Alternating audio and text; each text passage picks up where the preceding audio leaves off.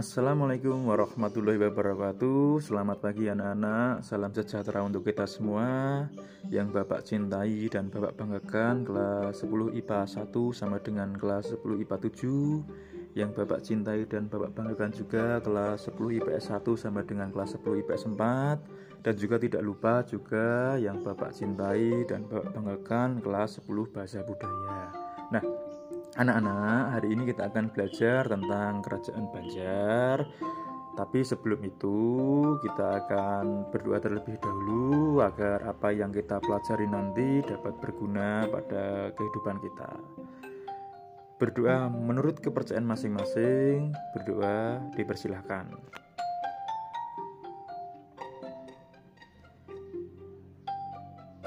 Berdoa selesai. Nah, Anak-anak, pada kesempatan PJJ Sejarah Indonesia yang diampu oleh Bapak Ginanjar SPD pada kesempatan kali ini kita akan belajar tentang Kerajaan Banjar melalui podcast. Tapi sebelum itu Bapak akan mereview materi-materi di pertemuan-pertemuan minggu lalu. Tolong anak-anak tetap belajar tentang materi yang sudah Bapak sampaikan di minggu-minggu lalu. Salah satunya adalah kerajaan-kerajaan Islam yang ada di Pulau Sumatera, ada kerajaan Aceh, Samudra Pasai, lalu kerajaan-kerajaan Islam di Pulau Jawa, ada kerajaan Banten, Cirebon, kerajaan Demak, Mataram Islam, Pajang, dan sebagainya. Nah, untuk itu kita akan berpindah pulau lagi, kita akan ke Pulau Kalimantan, kita akan belajar tentang kerajaan Banjar.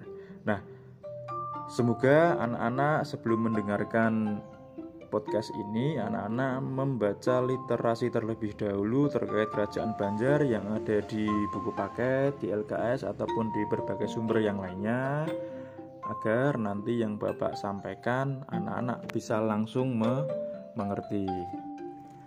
Nah, kita langsung saja ke materi. Kerajaan Banjar itu sendiri lahir pada sekitar tahun 1526 letak kerajaan Banjar itu di wilayah Kalimantan Selatan, pusatnya di daerah hulu Sungai Nagara atau di Amuntai. Nah, raja yang pertama yang mendirikan kerajaan Banjar ini adalah Sultan Surya Nulo. Nah, sebelum kita membahas tentang kehidupan politik pada kerajaan Banjar, kita akan belajar terkait awal berdirinya kerajaan Banjar.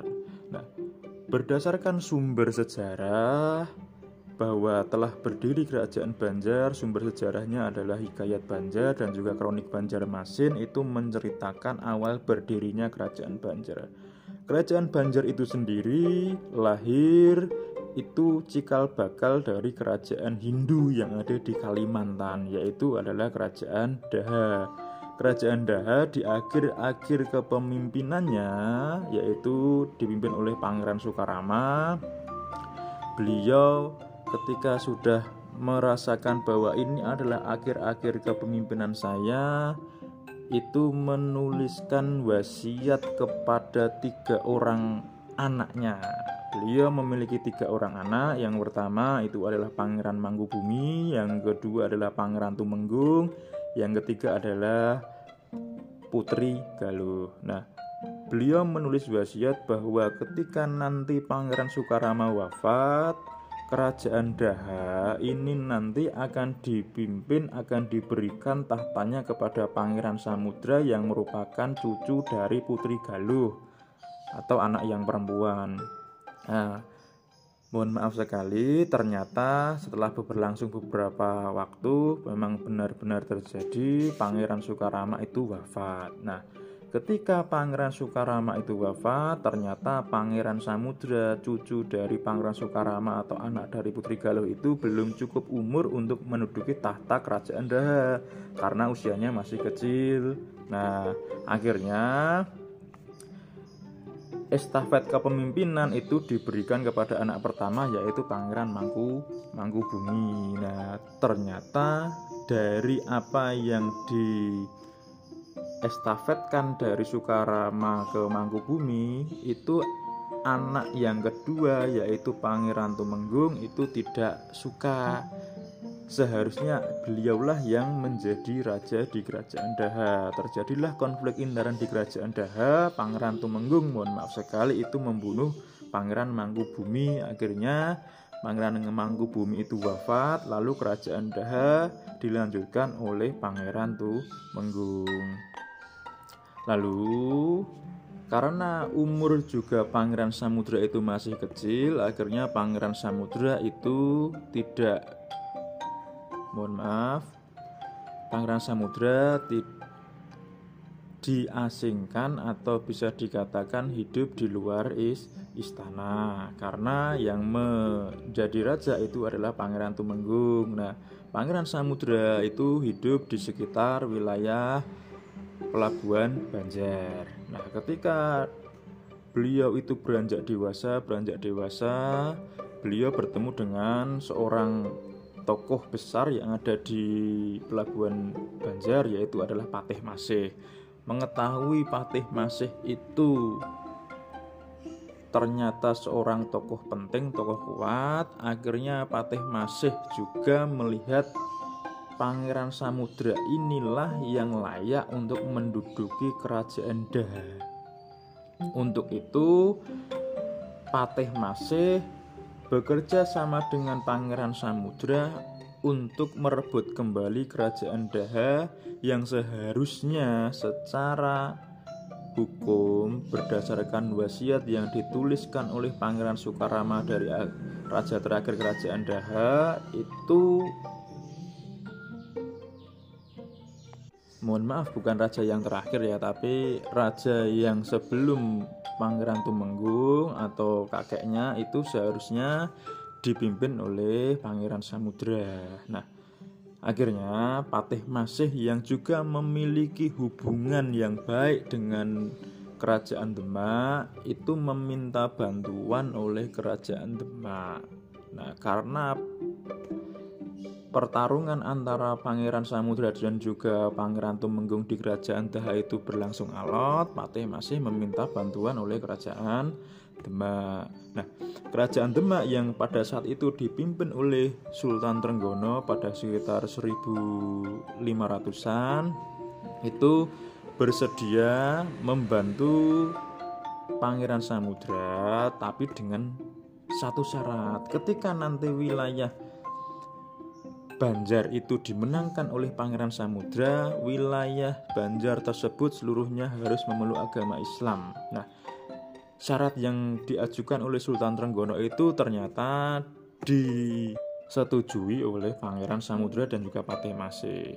Dengan bala-bala bantuan oleh Kerajaan Demak mengirimkan beribu-ribu bantuan prajurit ke wilayah Banjar, akhirnya Pangeran Tumenggung itu bisa dikalahkan oleh Pangeran Samudra. Pada saat itulah kerajaan Daha itu berakhir, lalu Pangeran Samudra mulai naik tahta dan mengubah kerajaan Banjar itu menjadi mohon maaf, mengubah kerajaan Daha itu menjadi kerajaan Ban Banjar. Nah, itu adalah asal muasal lahirnya kerajaan Banjar pada tahun 1526 yang dipimpin oleh Pangeran Samudra ataupun yang bergelar Sultan Suryanullah. Nah, Sultan Suryanullah ini memimpin kerajaan Banjar dari 1526 sampai dengan 1546 Masehi merupakan raja pertama kerajaan Banjar. Nah, pada masa pemerintahannya Sultan Suryanullah itu bisa menguasai wilayah Kalimantan sampai ke wilayah Sambas, Batang Lawai, Sukadana, Kota Waringin, Sampit, Mandawi, dan Sambangan. Dan juga para wilayah-wilayah yang dikuasai oleh Sultan Surainullah atau Raden Samudra itu, Pangeran Samudra itu selalu memberikan upeti ke kerajaan Banjar. Sehingga itu yang menjadikan bukti bahwa wilayah-wilayah tersebut itu tunduk pada kerajaan Banjar. Pada tahun 1546, Sultan Suryanullah itu wafat sehingga digantikan oleh anaknya yang bernama Sultan Rahmatullah yang memimpin kerajaan Banjar. Pada masa kerajaan Rahmatullah ini para wilayah-wilayah yang dikuasai oleh Kerajaan Banjar pada masa Raden Samudra itu juga tetap memberikan upeti kepada wilayah Banjar. Dan juga karena Sultan Rahmatullah merasakan juga pada masa kepemimpinan Raden Samudra ada apa ya namanya? Namanya berkat pertolongan ya berkat pertolongan kerajaan Demak kerajaan Banjar itu bisa besar sampai sekarang. Beliau tetap mengirimkan upeti-upeti ke kerajaan Demak. Walaupun pada saat itu kerajaan Demak juga mengalami konflik. Konflik karena berakhirnya kepemimpinan yaitu Sultan Trenggono yang juga sama-sama mengalami konflik intern antara Sultan Trenggono setelah wafat yang digantikan oleh Arya Panangsang. Lalu Kesultanan Banjar atau Kerajaan Banjar itu mengalami masa puncak kejayaannya pada masa dipimpin oleh Sultan Marhum Panembahan atau Sultan Mustain Bila. Hal ini dibuktikan dengan apa? Pada masa pemerintahannya Bapak ulangi lagi, Sultan Mustain Billah ini memimpin kerajaan Banjar sehingga dapat mencapai puncak kejayaannya dengan dibuktikan dengan apa? Beliau bisa menguasai wilayah hampir di Kalimantan termasuk di Kalimantan Tenggara, Barat, Tengah, Selatan itu dapat dikuasai oleh Sultan Mustain Billah. Pada masa ini juga Belanda mulai datang ke wilayah Banjar sehingga VOC mulai mendirikan pos-pos dagang di wilayah Banjar atau di sungai di pelabuhan Banjar tersebut. Awalnya kedatangan Belanda itu disambut baik karena Belanda hanya berniat untuk berdagang karena wilayah Banjar pada masa itu juga sebagai pelabuhan internasional berkat wilayahnya sangat strategis dan juga mempunyai kedekatan dengan kerajaan Demak.